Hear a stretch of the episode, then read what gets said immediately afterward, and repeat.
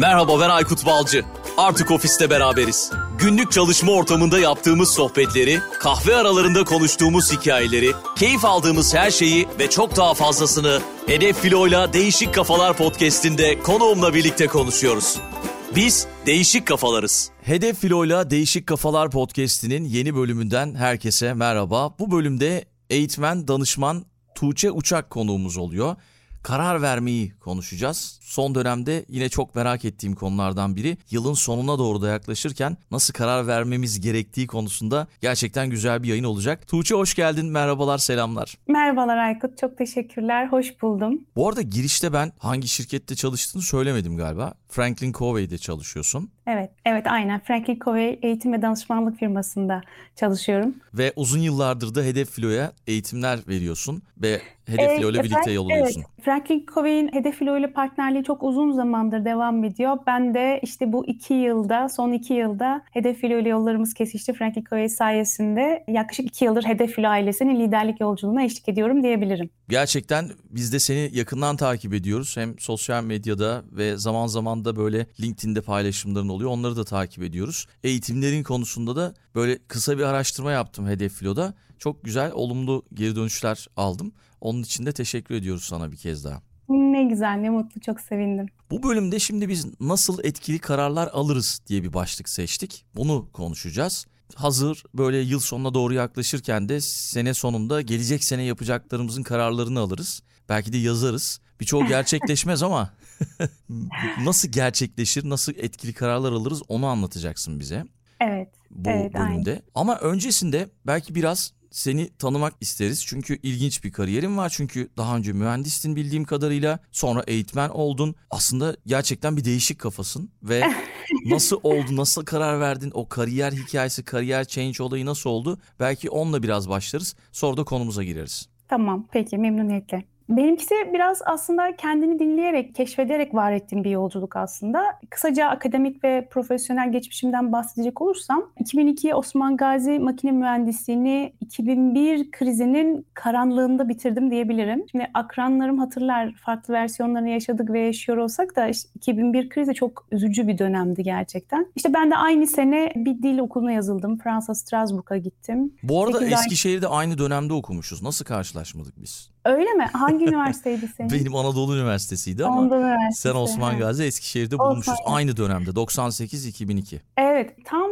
Osman Gazi'nin e, aslında ayrıldığı, Anadolu'dan ayrıldığı dönemdeydim ben. Osman Gazi tarafına geçtiğimde. Bir sene öncesi Anadolu'daymış hatta Osman Gazi'nin teknik bölümleri. Daha sonra işte Fransa Strasbourg'a gittim 2000, 2002 mezunu olduktan sonra. Strasbourg'da bir dil okulu, 8 aylık bir dil okulu. Akabinde Louis Pasteur Üniversitesi Endüstri Mühendisliğini kabul edildim. 3 yılın ardından da aynı üniversitede proses mühendisliği master'ı yaptım. Tabii bu 6,5 yıllık bir Fransa serüveninden bahsediyorum. Tabii bu dönemde ekonomik yeterliliğini kazanmak adına birçok farklı işte çalıştım. Ama ilk profesyonel iş deneyimimi yine Fransa'da kimya sektöründe başladım diyebilirim. Ardından da otomotiv sektörüne bir girdim ve yaklaşık 10 15 yıl farklı birim ve pozisyonlarda otomotivde kaldım. Tabii bu serüvende eğitmenlik ve danışmanlık nerede dersen bu parkuru paralelde farklı pozisyonlarda sürekli yatırım yaptığım bir alandı aslında. Birçok sosyal sorumluluk projesiyle başladı. Türkiye'nin birçok farklı üniversitesiyle çalıştım. Temelinde de hep insan hayatına bir şekilde dokunmak ilkesi, isteği vardı. Ve sonuçta da yaklaşık 7 yıldır kurum içi başlayıp akabinde işte içinde olmaktan gurur duyduğum Franklin Covey ailesinde devam ettiğim bir eğitmenlik ve danışmanlık yolculuğu yolculuğundayım ve hedef filoyla da bu sayede yollarımız kesişti. Ne mutlu ki kesişti. Bu şekilde öyle kısaca aslında kendi özelimden bahsetmiş olayım. Çok güzel gerçekten. Peki hangi taraf daha güzel sence? Çalışma hayatı mı, eğitmen olarak devam etmek mi? Çünkü biraz daha fazla zaman kalıyor galiba şimdi sana ya da kendin zamanını belirleyebiliyorsun, planlayabiliyorsun. Ee, evet, tam aksine aslında daha fazla zaman kalmıyor. Aslında hiç zaman kalmıyor.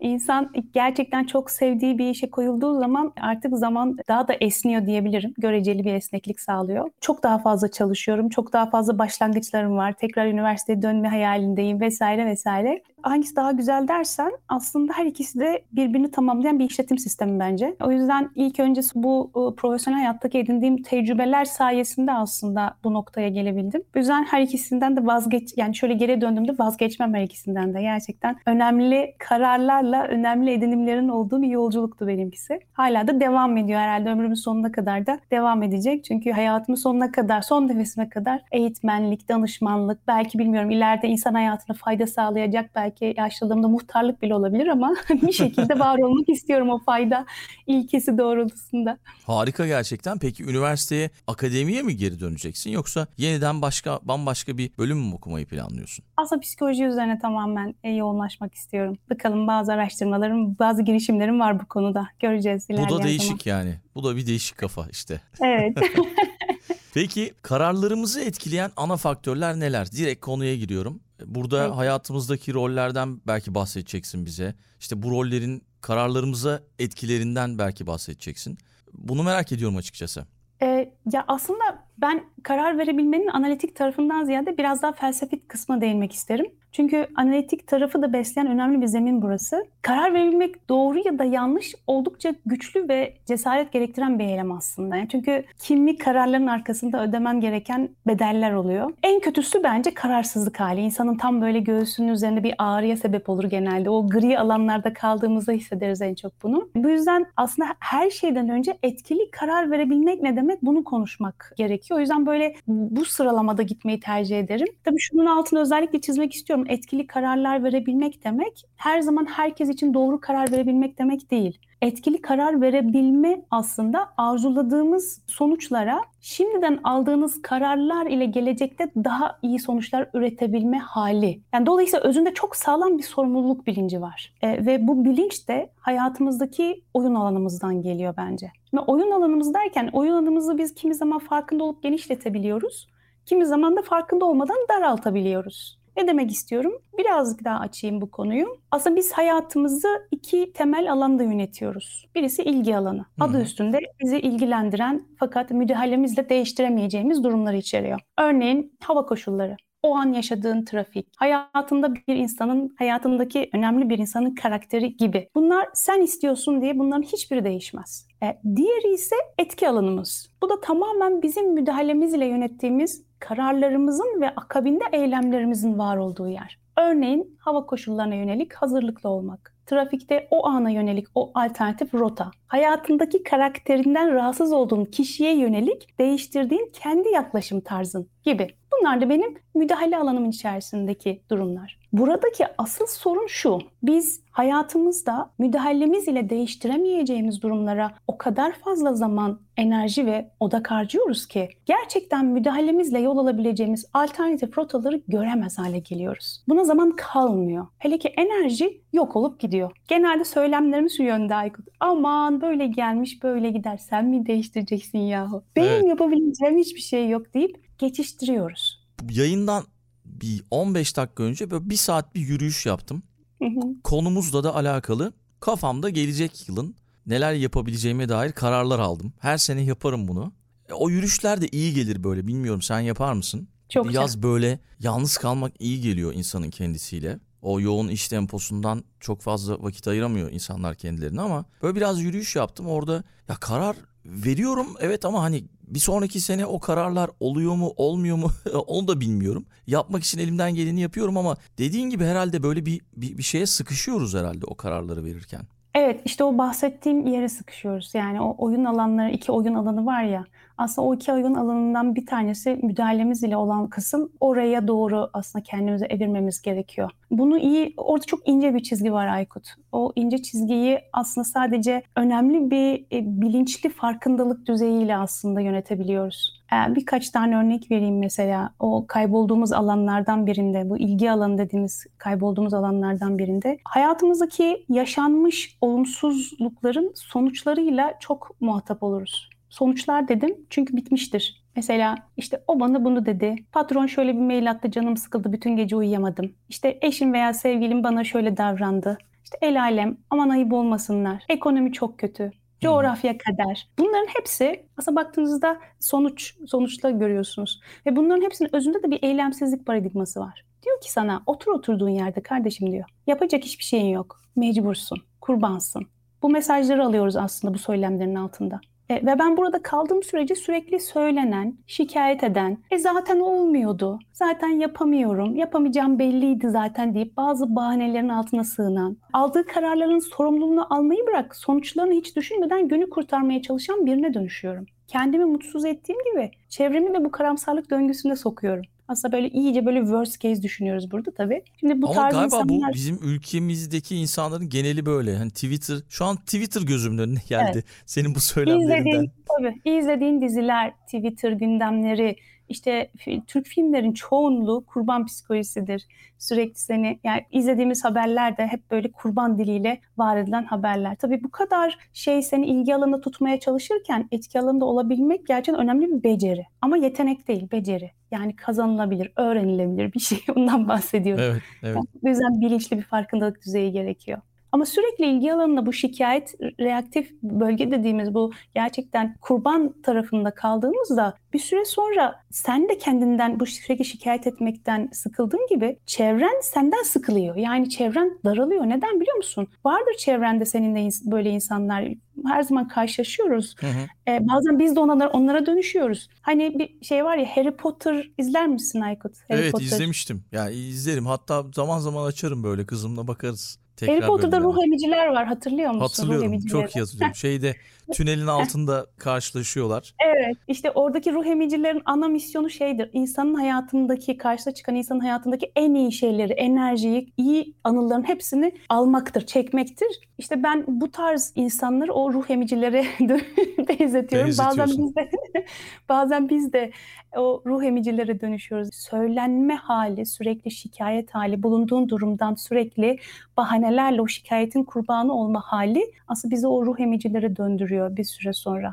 Ama Ve, iş yaşantısında da vardır böyle tipler değil mi? Böyle sürekli söylenen yani işte onlar ruh emici olabilir yani iş yaşantısında.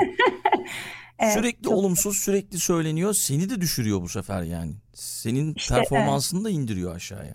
İşte yani bu bu yüzden hani kendi söylemlerinle birlikte bulunduğun çevrenin aslında o enerjisini de gözetmek lazım. Bulunduğumuz çevrenin enerjisini gözetmek lazım. Seçimler ya. Bulunduğun çevreyi, tepkilerini, her şeyi seçebiliyorsun. Ama şu da çok çok büyük bir gerçek. Eyleme geçmeyen farkındalık pişmanlığa dönüşüyor bir süre sonra. Yani keşke aklım şöyle, şu anki aklım olsaydı. Keşke şunu yapsaydım. Keşkeler hayatımızda hep ilgi alanında kalıyor. Geçmiş ve geleceğe dair kaygıların hepsi ilgi alanında. Yani senin müdahalen yok artık burada. Onu zaten hep diyoruz yani. Şu anki aklımla 20 yaşında olsaydım veya 30 yaşında olsaydım gibi. Artık ileriye bakmak lazım. Evet. Aslında e, şu e, yani hayatta kalabilmek ve doğru karar ve kararlarla hayatta kalabilmek e, aslında için ileriye bakmak lazım. Ya peki ne yapmalı? Her şeye dolu tarafından mı bakmalı? Bir nevi polyanlacık mı oynayalım gibi e, düşünceler oluşabilir dinleyenlerde. Aslında söylemek istediğim bu değil. Bu değil tamamen kesinlikle bu değil. Çünkü polyanlacılık denilen şey olanı olmasını istediğin gibi görmektir. Fakat etki alanı dediğimiz şey ise olanı olduğu gibi gördüğün yerdir. İçinde bir kabul ve eylem mekanizması var. Hayatımızdaki değiştiremediğimiz şeylerin üzerine neyi inşa edeceğimize bakmak lazım. Yani sürekli bir ilerleme halinden bahsediyorum. Evet. Yani aslında söyle, söylenerek hiçbir şey değişmiyor hayatta. Soracaksın kendine peki ben ne yapabilirim? Tamam ekonomik olarak çok zorlu bir dönemdeyiz ama ekonomi bakanı değilim. Yani o, o zaman ben kendi bütçemi, belki seçimlerimi, belki duruşumu, belki bazı e, bütçe planlarını farklı bir şey koşulla getirmem lazım. Nasıl yönetebilirim diye bakacağım. Bu demek değildir ki tepkini ifade etme, sorgulama. Aksine tepkini bir adım sonrasını düşünerek ifade et ve beraberinde bu ilgi alanındaki olumsuzlukların senin tepkini dolayısıyla hayatını belirlemesine, hatta çevreni mutsuz etmesine izin verme. Bu tamamen senin belirlediğin bir alan çünkü. Yani aslında tepkini seçebilme özgürlüğünün farkında olabilmek asıl mesele Aykut. Kesinlikle. Evet. Şimdi asıl, asıl ama bunu mesele... şimdi böyle anlatıyorsun ama bunun normal teoriye döktüğümüzde yapamıyor çoğu kişi evet. maalesef. Yani zor, zor. Zor. Kolay olsa zaten hani yani kolay olsa zaten dünya barışını getirmiş olurduk herhalde. Doğru zor. ama mümkün. Şimdi kaderimizi değiştirmenin en önemli gücü tepkini seçebilme özgürlüğüdür. Bu çok net. Başına bir şey geldiğinde bir düşün yani başına bir şey geldiğinde o bu yaşadığın bir an ve o an sadece o an sadece yani aslında o yaşadığın durumla ilgili. Ama ona verdiğin tepkin o andan sonraki tüm anıları çalıyor. Hmm. Bunun farkında olmak lazım. Bu bakış açısı gerçekten çok bilinçli bir olgunluk düzeyidir. Çünkü kendi oyun alanını belirleyebildiğinde hayatının merkezine ilkelerini koyuyorsun. İlkeler yani değişmeyen yasalar. Yani sana bana göre farklılaşmayan, koşullara göre değişmeyen yasalar. Atatürk'ün bize armağan ettiği en önemli felsefe ilke merkezi yönetimle bu ülke aslında bu bu noktaya geldi. Var oldu, yoktan var oldu diyebiliriz. Hayatımıza baktığımızda şimdi en başta hani konuşmanın başında roller dedik ya, roller nasıl etkiler hayatımızı. Aslında bu şimdi bunu birleştirdiğimizde biz hayatımızı rollerde yaşıyoruz. Ve yani hangi roller dersen mesela senin babalık rolün var, eş rolün var, evlat rolün var, benim de öyle anne rolüm var, eş rolüm var, kendim olma rolüm var, danışman rolüm var gibi gibi. Biz aslında hayatımızı rollerde yaşıyoruz. Bu rollerde aldığımız kararları yönetirken bir dengeye ihtiyacımız var. Bu da ancak merkeze ilkeleri koyabildiğimiz an mümkün oluyor. İşte yönetim felsefesi bu aslında. Bir örnek üzerinden açıklayayım bunu. Süper. Mesela biraz daha bu tüm teoriyi biraz daha pratik hayata dökelim. Örneğin ilişkilerini yönetirken düşün herhangi ilişki, özel ilişki karışık olarak düşün. İlişkilerini yönetirken hayatının merkezine saygı, adalet, karşılıklı anlayış gibi ilkeleri koyarsan gerek iş, gerekse özel hayatında aldığın kararları etkili kararlara dönüştürürsün. Ya da tam tersini düşünelim. Hayatının merkezine var olduğun rollerden birini koyarsan. Örneğin çokça yaptığımız bir durum olduğu için bu örneği veriyorum. Hayatının merkezine çocuğunu koyarsan. Düşün. Hı hı. Diğer tüm rollerde alabileceğin kararları bir düşün iş hayatın, sosyal hayatın, kendin olma rolün, eş rolün vesaire denge kuramayacaksın. Bir süre sonra bu dengesizlik seni mutsuzlaştırmaya başlayacak ve merkezindeki rolünde bile iyi olamaz hale geleceksin. Hatta bu dengesizlikten dolayı merkezindeki rolünü suçlayacaksın. Bu birbirini tetikleyen olumsuz bir zincir aslında. İşte bu yüzden merkeze rollerimizden birini değil, ilkelerimizi koymamız lazım. Bu ilkeler sayesinde tüm rollerde almamız gereken kararları etkili bir rotaya çevirebiliyoruz. Başka bir örnek mesela hayatındaki liderlik rolünü düşün. Hem iş hayatında bir liderlik rolün var hem de özel hayatında bir liderlik rolün var. Merkeze koyduğun ilkelere bak. Mesela amaç, bağlılık koy, karşılıklı faydayı koy, cesareti koy, empatiyi koy, sorumluluğu koy. İşte bu ilkeleri koyduğunda ister çocuğuna liderlik yaptığında ister ekibine liderlik yaptığında aslında biraz daha tarafsızlaşıyorsun ve olanı olduğu gibi değerlendirmeye başlıyorsun. Çünkü doğru soruları soruyorsun ve aldığın kararlar etkili kararlara dönüşüyor. Kesinlikle. Şimdi kısa bir özet geçeyim. Etkili karar verebilmek ne demek? Onu anladık. Kararlarımızı etkileyen ana faktörler neler? Onları konuştuk. Hatta işte son bölümde de iş hayatında ve özel hayatımızda doğru karar verebilmek için doğru soru ne olabilir? Onu da konuştuk değil mi? Aslında soru birazcık daha sorular soru kısmında biraz daha detaya girmek isterim. Çünkü orada çok temel iki temel soru var. Belki o soru üzerine konuşmak lazım. O zaman şöyle yapayım. Gerek iş hayatında gerekse özel hayatta doğru karar verebilmek için doğru soru ne olabilir? Bunu sorayım. Şimdi dedik ya hani bu roller hayatımızda ki hayatımız bir rollerde yaşıyoruz. Rollerimizde yaratmak istediğimiz sonuçta kararlarımızı etkiliyor. Dolayısıyla hayatımdaki rolleri yönetirken karar mekanizmasının merkezine ilkeleri koyarsam dengeli ve etkili kararlar almam mümkün. Okey. Ve doğru soruları sorarak ancak zaten bu kararlara doğru yönelimim artıyor. Dolayısıyla sorular önemli. Çünkü sorduğumuz sorular, hayatta sorduğumuz sorular verdiğimiz kararları aslında temelden etkiliyor. Çünkü aldığımız cevapların kalitesine baktığımızda da sorduğumuz sorulara bağlı. Ama işte sorun ne? Sorun kolay değil. Neden? Çünkü biz dinlemeyi sevmeyen bir milletiz. evet. Çünkü biz soru sormaya değil, kendi fikirlerimizi aktarmayı seviyoruz. Kesinlikle. Dinlemek bizim için zor. Zaman kaybı gibi geliyor. Yok ben iyi dinleyiciyim diyenler vardır muhtemelen. Genelde zaten böyle olduğumuzu zannederiz. Fakat karşı taraf bir konu hakkında konuşurken kafamızı bir sonra söyleyeceğimiz şeyi düşünür. Ha öyle diyorsa kesin ben şu o zaman şöyle bir cevap vereyim. Bu dinlemek değil aslında. Bu söyleyeceğini düşünmek, bu cevap vermek için dinlemek anlamına geliyor. Dolayısıyla bu da bizim gerçekten kişiyi değil konuyu irdeleyen doğru sorular sormamızı engelliyor. Benim yıllar önce okuduğum bir kitaptan aslında öğrendiğim ve hayatımda var ettiğim yani gerçekten de çok fayda gördüğüm iki soru var. Çok güzel iki soru. Bunlardan biri nasıl sorusu. Şimdi nasıl çok güçlü bir soru. Mesela sana sorsam nasıl bir şeyi nasıl sorusuyla başladığında ne geliyor aklına? Nasıl bir süreç geliyor diyeyim sana? Nasıl sorusuyla bir soru geldiğinde sana? Yani ne bir şeye bir şeye başlayacaksam nasılla mı başlayalım? demek istiyorsun. Mesela hani mesela bir konuşma, bir toplantıdasın mesela diyelim ki bir toplantıda bir şey dinlerken anlatıcıya şöyle bir soru soruyorsun. Nasıl bu sonuca ulaştınız? Nasıl bu sonuca ulaştınız evet. Bu neyi hissettiriyor? Nasıl bir yöntem uygulayabiliriz gibi mesela. Geçmişe doğru bir yolculuğu hissettiriyor. Evet doğru. Aslında nasıl aslında bu bir durumu değerlendirirken ben bu sonuca nasıl ulaştım diye düşündüğümüzde bizi o sonuca doğru götüren muhakeme sürecini analiz etmeye başlıyoruz. Veya karar vermeniz gereken bir toplantıda da aynı şekilde size sunulan verilere, çıktıya nasıl ulaşıldığını sorduğunuzda anlatıcı kişiyi geriye doğru bir analiz sürecine davet ediyorsunuz. Böylece bu süreçte olası varsayımları veya olumlu olumsuz yanlılık durumlarını tespit etme şansı yakalıyorsunuz. Bu soru sayesinde aslında problemi tanımına kadar inebilirsiniz. Bu, bu neden önemli biliyor musun? Bazen bir problemin önündeki en önemli engel o probleme çözüm aramaktır çünkü. Problem yanlış tanımlanmıştır. İşte bu soru akabinde kararınız tamamen değişebilirdi. Bu yüzden nasılın gücünü kullanmak lazım. Gerek iş hayatınızda gerek özel hayatımızda. Ben kendi hayatımda özel kararları alırken de mesela belli bir zaman diliminin sonunda karar vermen gerekiyor. Kendime yönelik böyle zamanlarda şöyle odaklanırım, tekrar düşünürüm ben bu sonuca, bu karara nasıl ulaştım? Çünkü o zaman flashback geriye doğru birçok konuyu tekrar ve tekrar düşünebiliyorsun, önüne getirebiliyorsun. Bu yüzden sevdiğim sorulardan biridir nasıl? Nasıl? Bununla başlayalım evet. o zaman.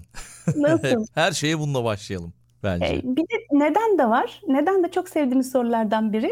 Ama genelde neden sorusu biraz tehlikelidir. Çünkü durum değerlendirmesi yaparken olguları yani kabul ettiğimiz gerçekleri tekrar görmemizi sağlar neden. Ama işte bazen kendimize bile itiraf etmek istemediğimiz için neden sorusunun cevabını bulmakta çok zorlanırız. Bahaneler gelir nedenin arkasından. Çünkü diye başlayan ve üç nokta olan bir şeyler gelir. Bu yüzden e, bence doğru akış şöyle olmalı. Nasıl süzgecinden geçtikten sonra neden sorusunu sorarsak olası mazeretleri yok etme şansımız var. Çünkü nasıl Doğru. sorusu bilimsel bir düşünce şeklini ifade ederken neden sorusu biraz daha felsefi bir düşünce boyutunu doğuruyor. Yani nasıl sorusu süreci tekrar değerlendirmeni sağlıyor. Neden sorusu süreçte kabul gördüğün olguları ortaya çıkarıyor. İkisi birlikte aslında senin ortaya hani daha etkili karar verebilmen adına gerekli olan tüm veriyi sağlıyor diyebilirim. Soruların gücü olarak. Doğru süper. Çok teşekkürler Tuğçe. Her şeyi konuştuk. Yani çok daha uzun da konuşabiliriz tabii ki. Bu konu çok çok önemli. Sen evet. de uzun yıllardır bu konu üzerine eğitimler veriyorsun, çalışıyorsun, kaynaklar okudun ve yani çok önemli olduğunu düşündüğümüz için bu bölümde seni konuk ettik ve güzel de bir Teşekkür konu. Ederim. Çok da iyi geri dönüşler olacaktır diye düşünüyorum ama kapatmadan önce belki biraz hedef filoyla olan deneyimini bizimle paylaşırsın. Hedef filo senin için nasıl gözüküyor, nasıl bir yer?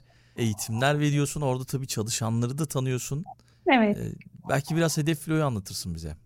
Hedef Filo ile iki yıldır yaklaşık bir yolculuktayız. Liderlik yolculuğundayız birçok yani yüzde yetmiş herhalde tanışıklığımız var Hedef Filo'yla. Çoğu zaman soruyorum eğitime gelen arkadaşlara artık tabii üç eğitimde, dört eğitimde bir araya geldiğimiz için artık birbirimizi çok yakından tanıyoruz. Bazen hani İK özellikle İK'daki dostlarımıza da soruyorum. Ha diyorum bu kadar güzel insanı nasıl bir araya getirdiniz? Yani hakikaten dönüşüme ve gelişime inanılmaz açık, açık görüşlü ve birbirini anlayan ve çok genç ve dinamik bir ekip. En güzeli o. Genç ve dinamik olması birbirinin çok rahat bir şekilde anlayabilen iletişim kanallarının açık olduğunu gösteriyor. Ben bunu gördüm. Bu yüzden Hedef ile yolculuk gerçekten çok keyifli. Eğitimler inanılmaz keyifli. Bazen uzatıyoruz böyle sohbet sohbeti açıyor konular. Birbirini açıyor daha da güzel bir hale geliyor. Keyifli bu yolculuğa da devam edeceğimizi düşünüyorum. Buradan da tüm arkadaşlara, dostlara selam olsun diyelim. Ve bu etkili karar verebilmek de bir yetenek değildir. Bunu da özellikle söylemek isterim. Burada da onu bahsetmek istedim. Mesela bir dönüşümdür, bir beceridir. Biz zaten eğitimlerde hep bunun üzerine konuşuyoruz. Dilerim herkesin tüm hedef filanında dönüşüm yolculuğu keyifli ve verimli geçsin.